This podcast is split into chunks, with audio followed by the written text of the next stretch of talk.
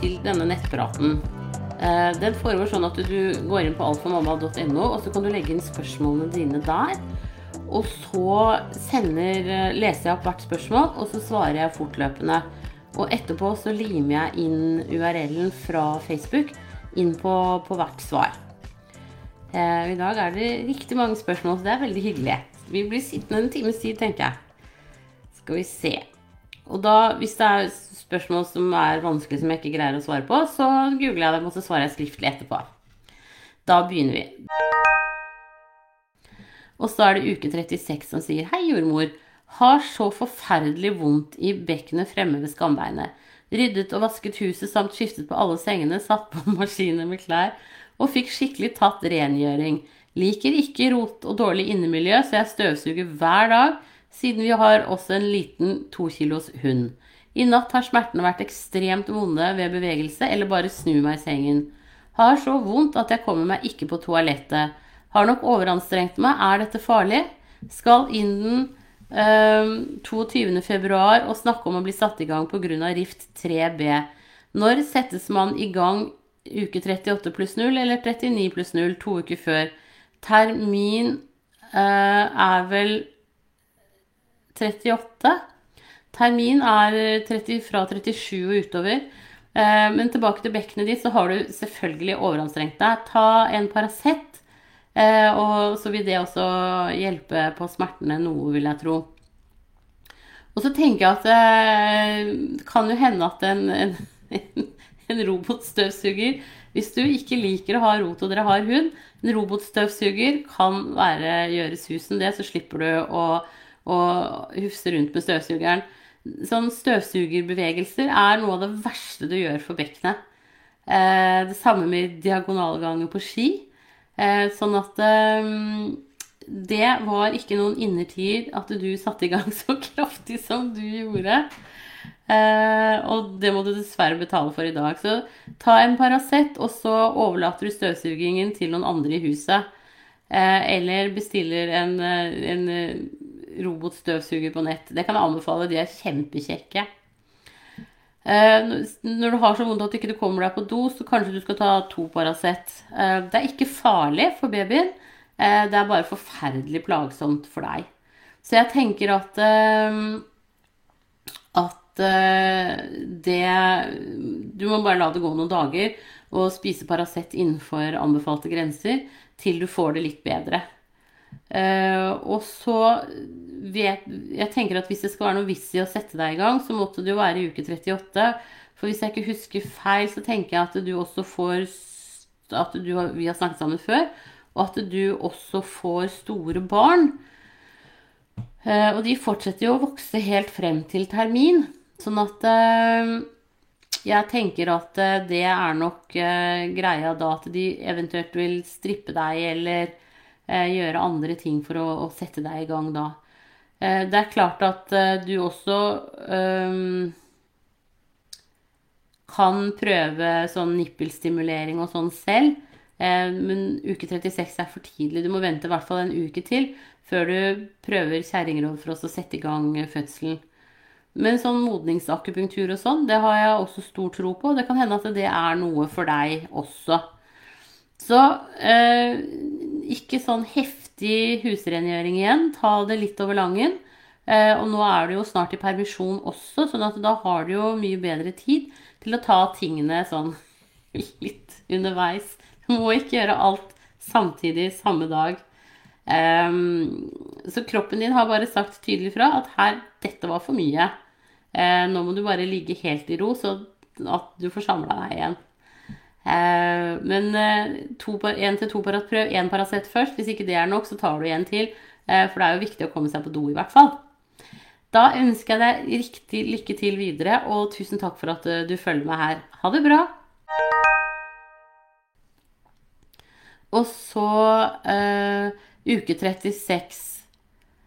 Jeg glemte å spørre. Jeg er tilbudt planlagt keisersnitt pga. medisinske årsaker og problematikk med å holde avføring og urin etter rift 3B i 2014.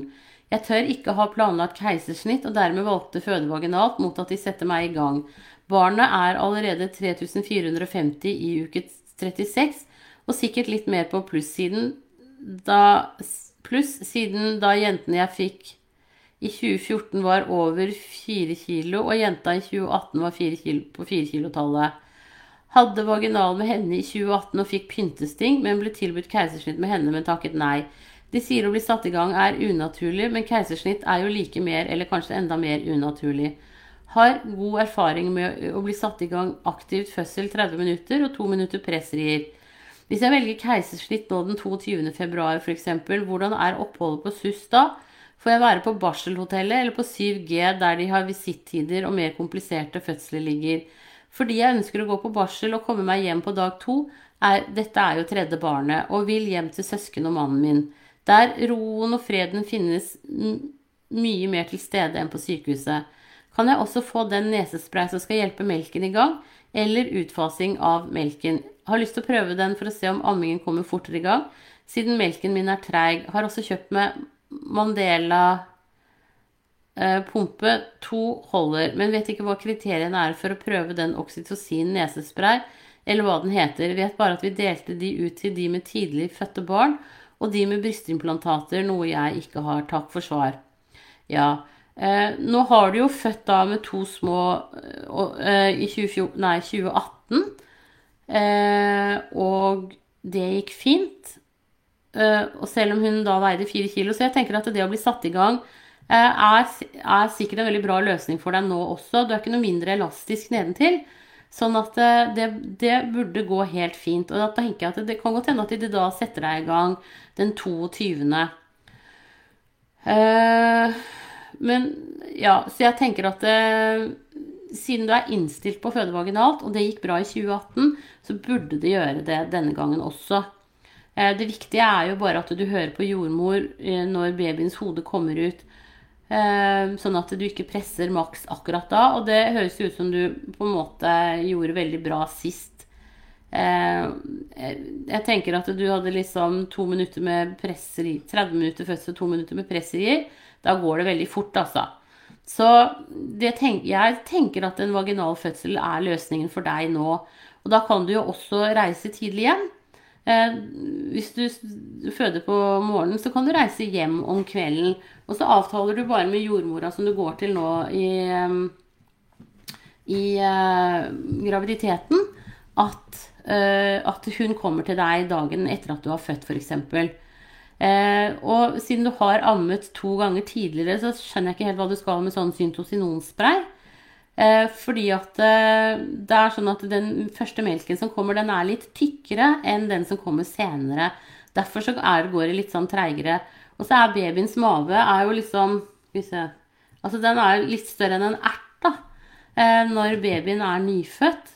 Derfor så kreves det ikke så mye melk heller. Og den morsmelken som kommer helt i begynnelsen, den er ekstremt energirik. Den, altså vi snakker liksom 1 milliliter tilsvarer en pose potetgull i energinivå. Så det så jeg i hvert fall på TV her. så, så, det er liksom ikke noe stress, og babyen er født med lagre for å greie seg de første to-tre dagene uten noe veldig mye melk. Så ikke stress med det. Jeg hadde bare ikke tenkt på det med syntosinonspray. Eh, det ordner seg. Um, så eh, melken kommer i gang. Du har ammet før. Kroppen din vet akkurat hva den skal gjøre. Så eh, dra 1922, bli satt i gang, og så drar du hjem igjen om kvelden med barn i armene. Det tenker jeg det kan være en veldig bra plan, da. Um, så da ønsker jeg deg riktig lykke til videre, og tusen takk for at du følger med her. Så det blir spennende å høre da, uh, om hvordan dette her ble, om du velger uh, keisersnitt eller vaginalfødsel. Men i og med at ikke denne babyen enda er så veldig stor, så tenker jeg at det burde gå helt fint med vaginalfødsel. Da ønsker jeg deg lykke til, eh, og også lykke til med fødsel etter hvert. Ha det bra. Og så er det følge Jo, unnskyld til deg med uker altså som skal føde på SUS.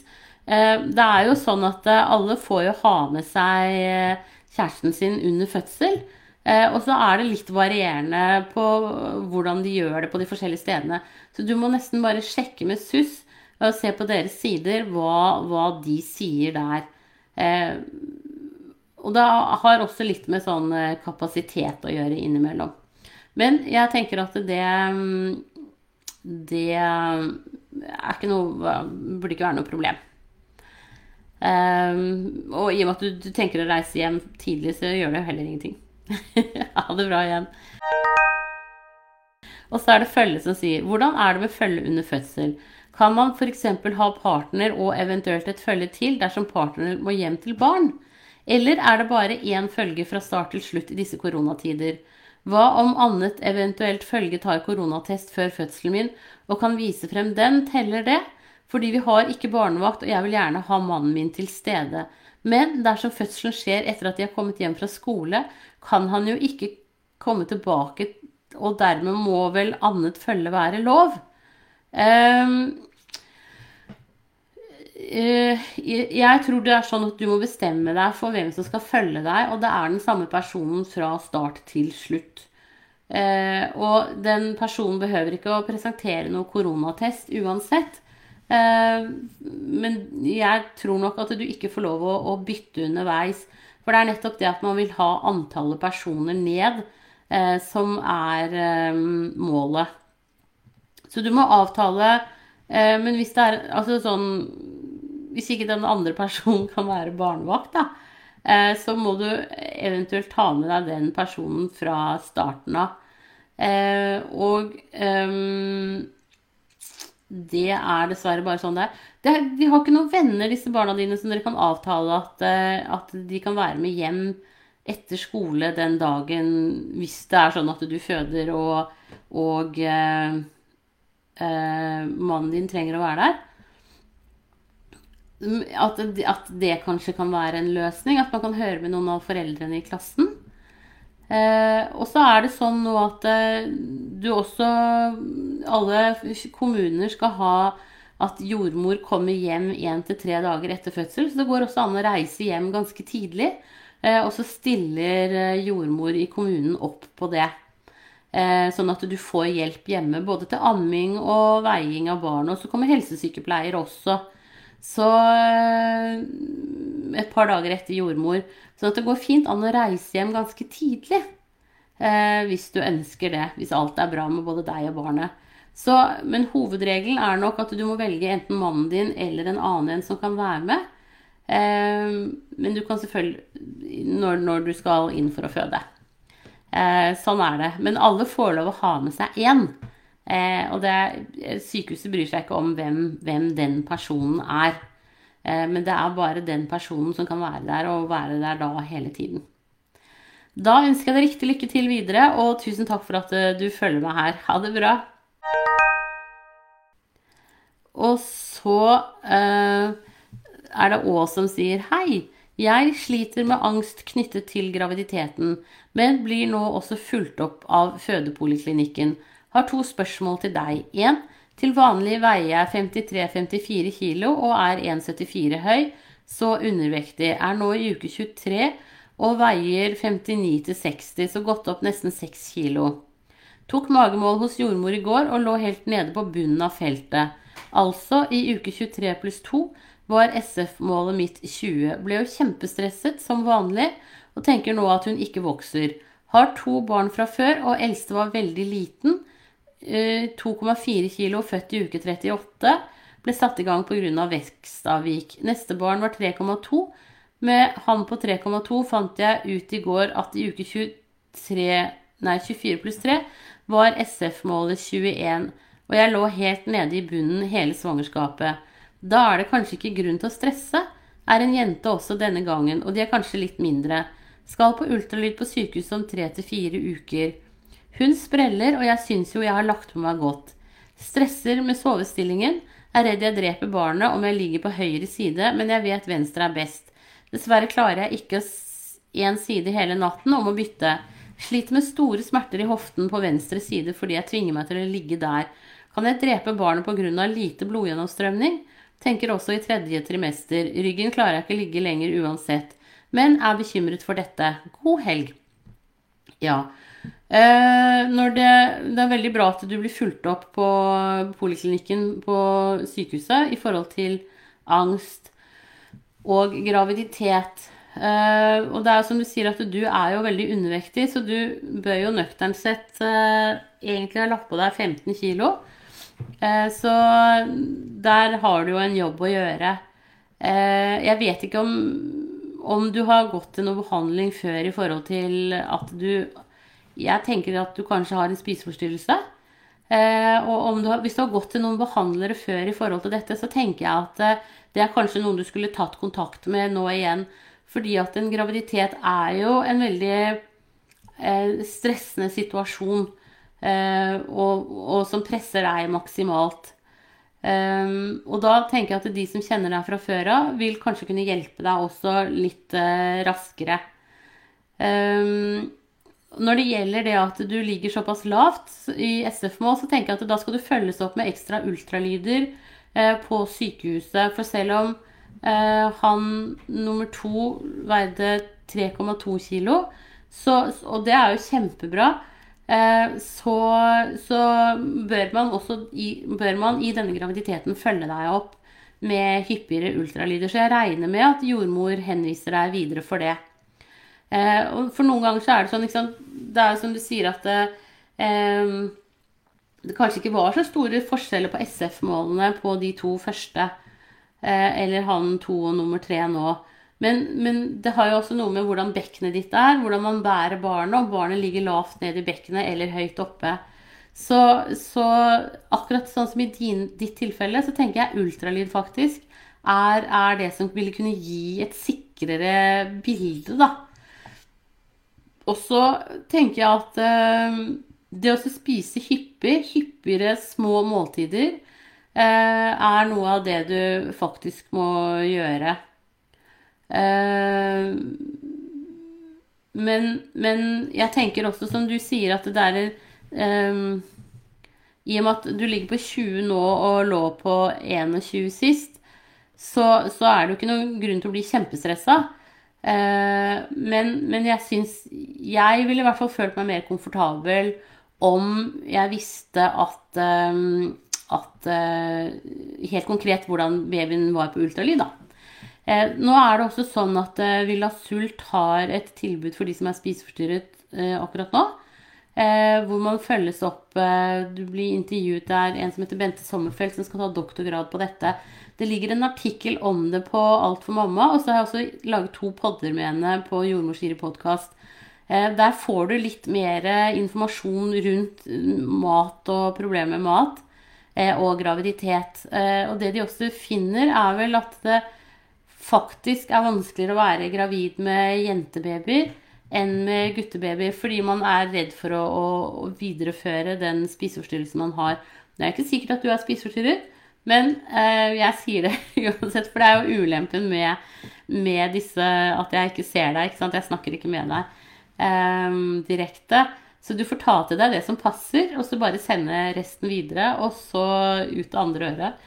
Men, men eh, hvis du har en spiseforstyrrelse, så vil jeg absolutt anbefale deg å kontakte Bente Sommerfjell på Villa Sult eh, nå. Og eventuelt ta en titt på og høre på podkast og sånn.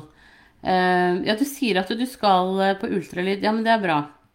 Eh, og, det, og, det, at du også sier at uh, hun spreller og, og, beveger seg, det er liksom det aller, aller viktigste tegnet. Så lenge du føler at hun oppfører seg sånn som hun pleier, så er det superbra.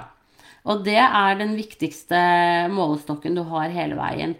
Og blir det endringer i bevegelsesmønsteret, ja, så bare ringer du til føden, snakker med dem og får eventuelt en sjekk. For det tenker jeg at terskelen din for å få eh, sjekk, det skal være ganske lav.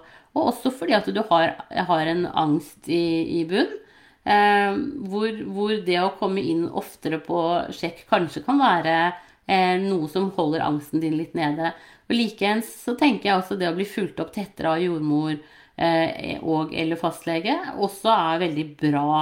Eh, det gjør vi i hvert fall der hvor jeg jobber, når folk sliter litt. Eh, når det gjelder sovestilling, så ligg akkurat sånn som du kjenner er best for deg.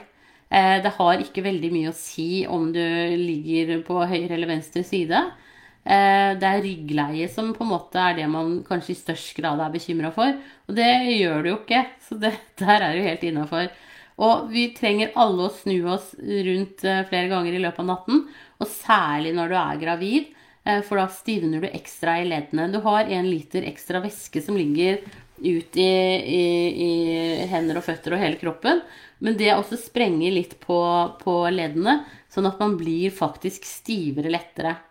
Eh, og det samme med sener og muskler. De også er mindre elastiske når man er gravid. Så Derfor så trenger du faktisk å flytte deg og snu deg litt mer i løpet av natten. Det som kan være ålreit, er å ha en litt sånn glatt pysjamas på seg eventuelt hvis du ligger i pysj.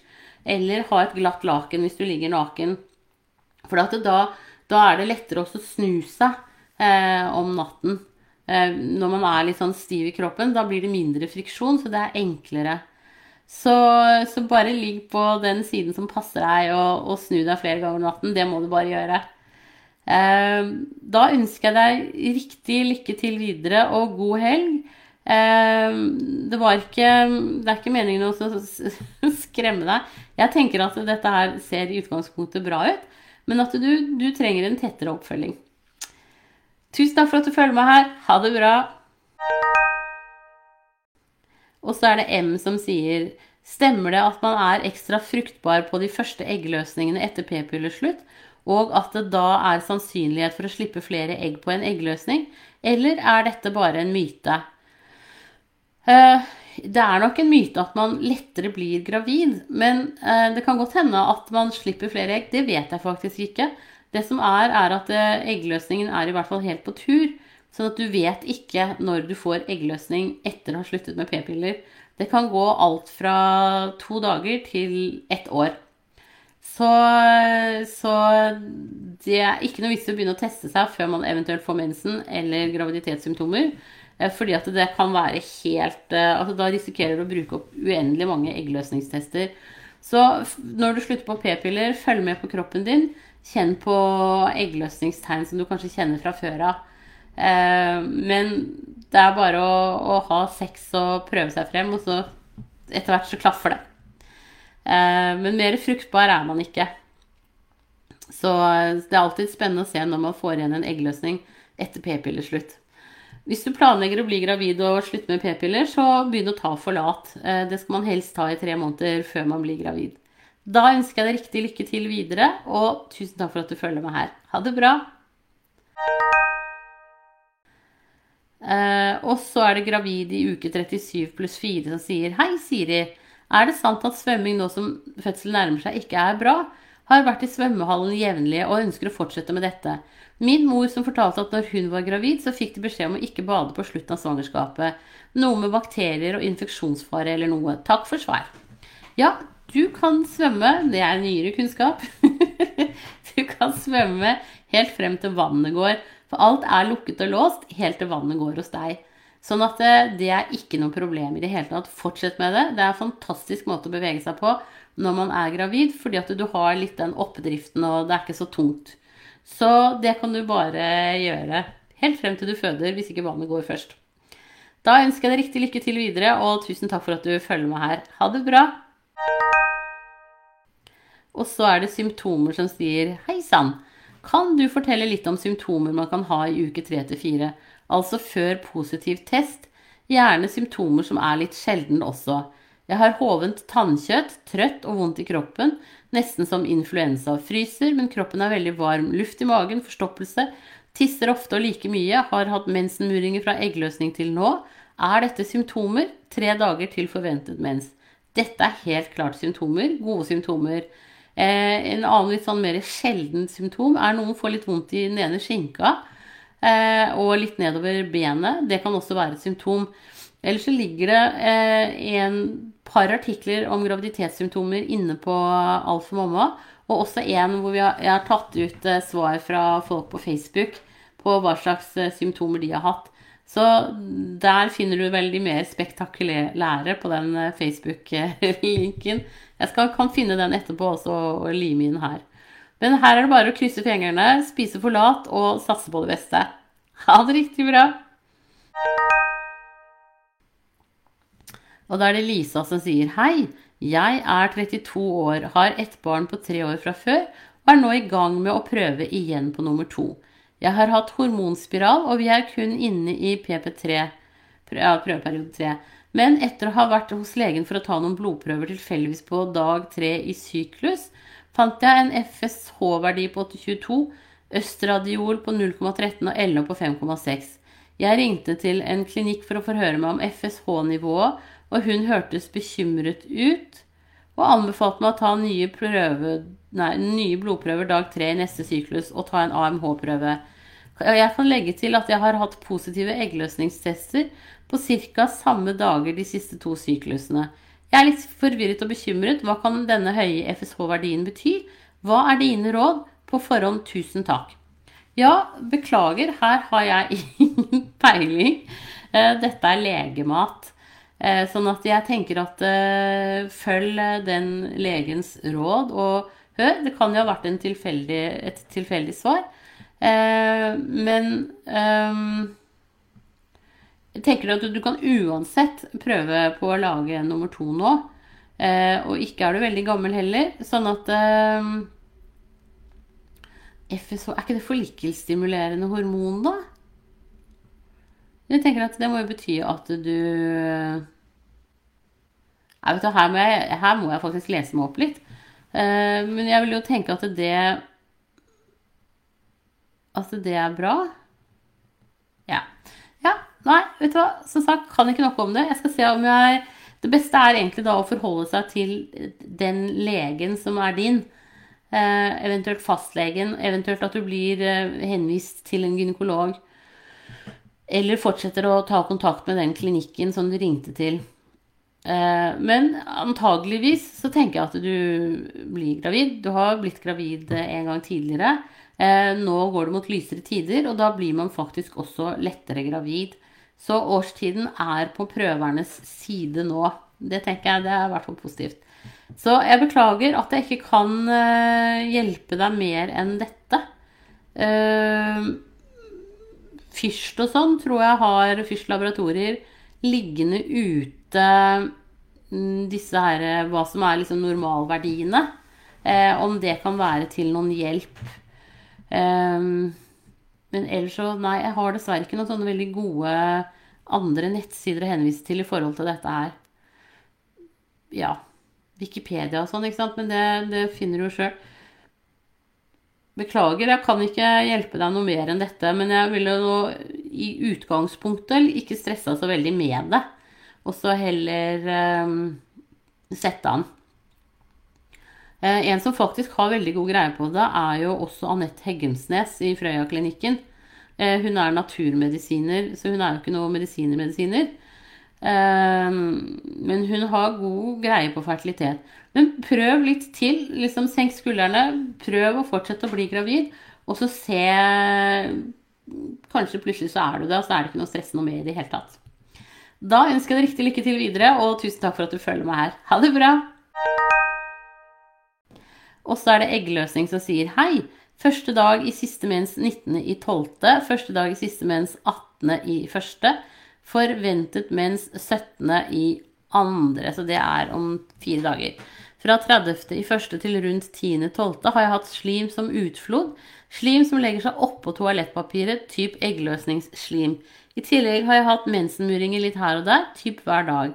Jeg syns det er kjempevanskelig å finne ut når jeg har eggløsning, nettopp fordi jeg har disse symptomene i 10-12 dager. Hvorfor varer det så lenge, og hva kan jeg gjøre for å finne ut når jeg har eggløsning? Prøvd å ta eggløsningstester over flere dager på kvelden, men ingen positivt svar. Uh, har begynt med temperaturmåling, men dette tar jo flere måneder før en vet sikkert. Ja, det gjør det. Hva tenker du om å ha murring og slimete utflod så lenge? Mulig det kan skyldes noe annet? Ja, det kan jo skyldes at du er uh, Du kan jo være gravid nå, da. Uh, kan du ikke det? skal vi se 17. forventet mens 17. i andre. Um, så, så, det tenker jeg at nå kan det jo faktisk hende at du er gravid. Eh, og da vil jo heller ikke de eggløsningstestene slå ut eh, sånn tydelig i forhold til det. Så jeg har foreslått at du bare venter og så ser det an. Um, Og så kan du jo absolutt eh, fortsette med den temperaturmålingen bare for å se om det gir deg et bilde i tilfelle du ikke er gravid nå. Eh, men, eh, men kan du ikke bare krysse fingrene for at du er gravid nå, og så må du bare se det an hvis du ikke er det, og fortsette å måle tempen i hvert fall. Spis for lat, og så ønsker jeg deg riktig lykke til videre. Tusen takk for at du følger med her. Ha det bra. Og så er det 8 pluss 5 i dag. Hei, jeg var på ultralyd denne uka, altså bra ut, og fosteret ble målt til 8 pluss 1, som stemmer overens med eggløsningen min. Hvor stor sjanse er det for at det skal gå galt nå? Er det normalt at den verste kvalmen avtar nå? Jeg er fortsatt stuptrøtt, og hvis jeg ikke sover på dagtid, vil jeg helst legge meg klokka åtte samtidig som treåringen vi har. Ha-ha. Når vil trøttheten gå over? Jeg husker så lite fra forrige gang jeg var gravid. Tusen takk for super tjeneste. Uh, ja. Det er ikke så stor sjanse for at det kommer til å gå galt nå. Absolutt ikke. Du er over den verste abortfaren, så det er veldig bra.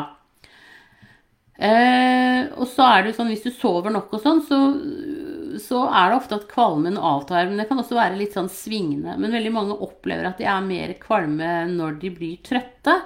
Så det å sørge for nok søvn er liksom kanskje noe av det beste man gjør i forhold til en kvalme. Når det gjelder eh, det med tretthet og Hvis man blir veldig trett, så blir man kvalm. Og blir man kvalm, så blir man også veldig trett. Så det der er en litt sånn dårlig spiral. Eh, den trettheten pleier å gi seg litt mer rundt uke 12-13. Men mm, det øh, er liksom forskjellen på å være gravid første og andre gang. Første gang så kunne du bare legge deg ned når du trengte det. Andre gang så kan du ikke det, for du har et barn til.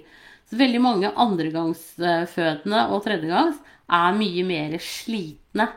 Eh, så jeg syns jo jeg ser det at eh, hvis man da ikke får liksom henta seg inn og, og, sånn, så er nok en gradert sykemelding eller graderte svangerskapspenger noe som gjelder for mange flergangsfødende etter hvert. Eh, litt tidlig enda, men det kommer veldig an på hva slags jobb du har også. Om det er en veldig stressende jobb. Da kan man begynne å tenke på en sånn reduksjon. Eh, og du skal i hvert fall ikke jobbe mer enn 100 i, i den jobben du har. Eh, heller prøve å, ta det litt mer med ro. Jeg ser også det at de som har hjemmekontor, de greier å tilpasse dagene sine bedre. De, de hviler litt i løpet av dagen, ofte i lunsjen eh, eller mellom møter, og det kan være en veldig bra investering. Så se på hvilke ting du på en måte kan ta ut av livet ditt.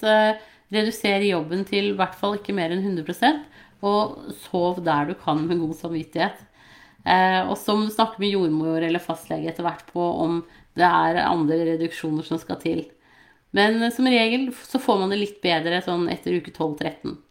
Da ønsker jeg deg riktig lykke til videre, og tusen takk for at du følger med her. Ha det bra. Og så er det Kaja som sier Kan jeg klemme babyen i hjel eller på en annen måte ta livet av han ved å ligge på maven på natten? Hva om jeg ruller på magen uten å vite det selv, er 24 uker på vei og har fått en god størrelse på magen. Jeg er kjempebekymret da jeg ikke kjenner noe liv. Eh, du kan ikke ligge i hjel babyen inni magen, heldigvis. Eh, sånn er det bare. Eh, når du er 24 uker på vei og ikke kjenner noe liv, så vil jeg tro at kanskje morkaken din ligger foran på fremre vegg, som vi sier. Og da ligger morkaken som en pute mellom babyen og deg, og da er det veldig vanskelig å kjenne babyens bevegelser. Eller så er du akkurat liksom i den overgangsfasen nå hvor man ofte begynner å kjenne liv. Og veldig mange, når de liksom er helt sikre på at de kjenner liv, så tenker de at ja, men dette har jeg jo kjent lenge. Sånn at eh, Eller ikke lenge, men i hvert fall noen uker. Så jeg ville ikke vært så veldig bekymra. Men jeg regner med at du skal til jordmor i løpet, hvis ikke du nettopp har vært det, eller i løpet av neste uke. Så da kan du snakke med jordmor om det da. Eh, men det er ikke alltid det er lett å kjenne babyens bevegelser. Og hvis de ligger med ryggen ut mot din navle, så blir det også sånn at du har bevegelsene inn mot din rygg. Og er, der er man ikke like følsom, rett og slett, som ut mot maven. Så her er det flere faktorer. Eh, bare, bare, Du kan i hvert fall ikke eh, drepe babyen ved å ligge på maven. Eh, det er ubehagelig for deg lenge før det er farlig for barnet. Da ønsker jeg deg, og selv om du sover, så vil du merke det ubehaget. Da ønsker jeg deg riktig lykke til videre, og tusen takk for at du følger med her. Ha det bra! Da var det dagens siste spørsmål. Eh, og jeg satser på å komme tilbake igjen på, på neste lørdag. Eh, og så tenker jeg på at det har det jo vært veldig mye skriverier i avisene om eh, det er satt i gang en aksjon som at jeg ikke vil føde alene. Og det er ingen i Norge i dag som føder alene. Eh, det er litt medieskapt. Eh, og det er dumt at det er sånn. Men, men, vær helt trygg på at du kommer ikke til å føde alene med mindre det er noe helt spesielt. På de aller fleste sykehusene så slipper mennene inn med en gang. Eh, på Oslo-sykehusene så kan det være litt, og de store byene så kan det være litt annerledes. Men det handler om at, eh, at og da kommer mannen inn når fødselen er i aktiv eh, Altså fra sånn drøyt 4 cm eller snaut 4 cm oppover, så får mannen være med inn. Og mannen får også være med på barselhotellet på Ullevål. Eh, på Riksen har de ikke barselhotellplasser, sånn at eh, der er det et familierom man kan bruke. Men du er ikke alene i Norge i dag i fødsel. Sånn er det ikke. Så dette her Eh, må dere ikke la dere Ikke bekymre dere for det, eh, for det er medieskapt akkurat nå. Beklager, eh, at, men sånn er det jo. Mediene er nyhetshungrige. Noen vil gjerne markere seg, og det er stusslig. Og da er gravide nå for tiden på en måte en sånn gruppe som Ja, som på en måte blir litt utsatt. Dessverre. Men de aller fleste stedene i landet så får far være med hele veien. Eh, og han får også være med på barsel der hvor det er god plass. og får far være med på barsel eh, hele veien. Eh, I de store byene så har de for dårlig kapasitet. Og det er også en av de tingene som på en måte eh, gjør dette her vanskeligere akkurat nå. Eh, det er for få jordmorstillinger, og det er for få barselplasser og fødeplasser. Så det er jo noe politikere og, og helseforetakene må jobbe med. Eh, det er en dårlig kombo med covid, men helt alene, det er dere ikke. Garantert. Da ønsker jeg dere en riktig god lørdag videre, og så eh, snakkes vi igjen.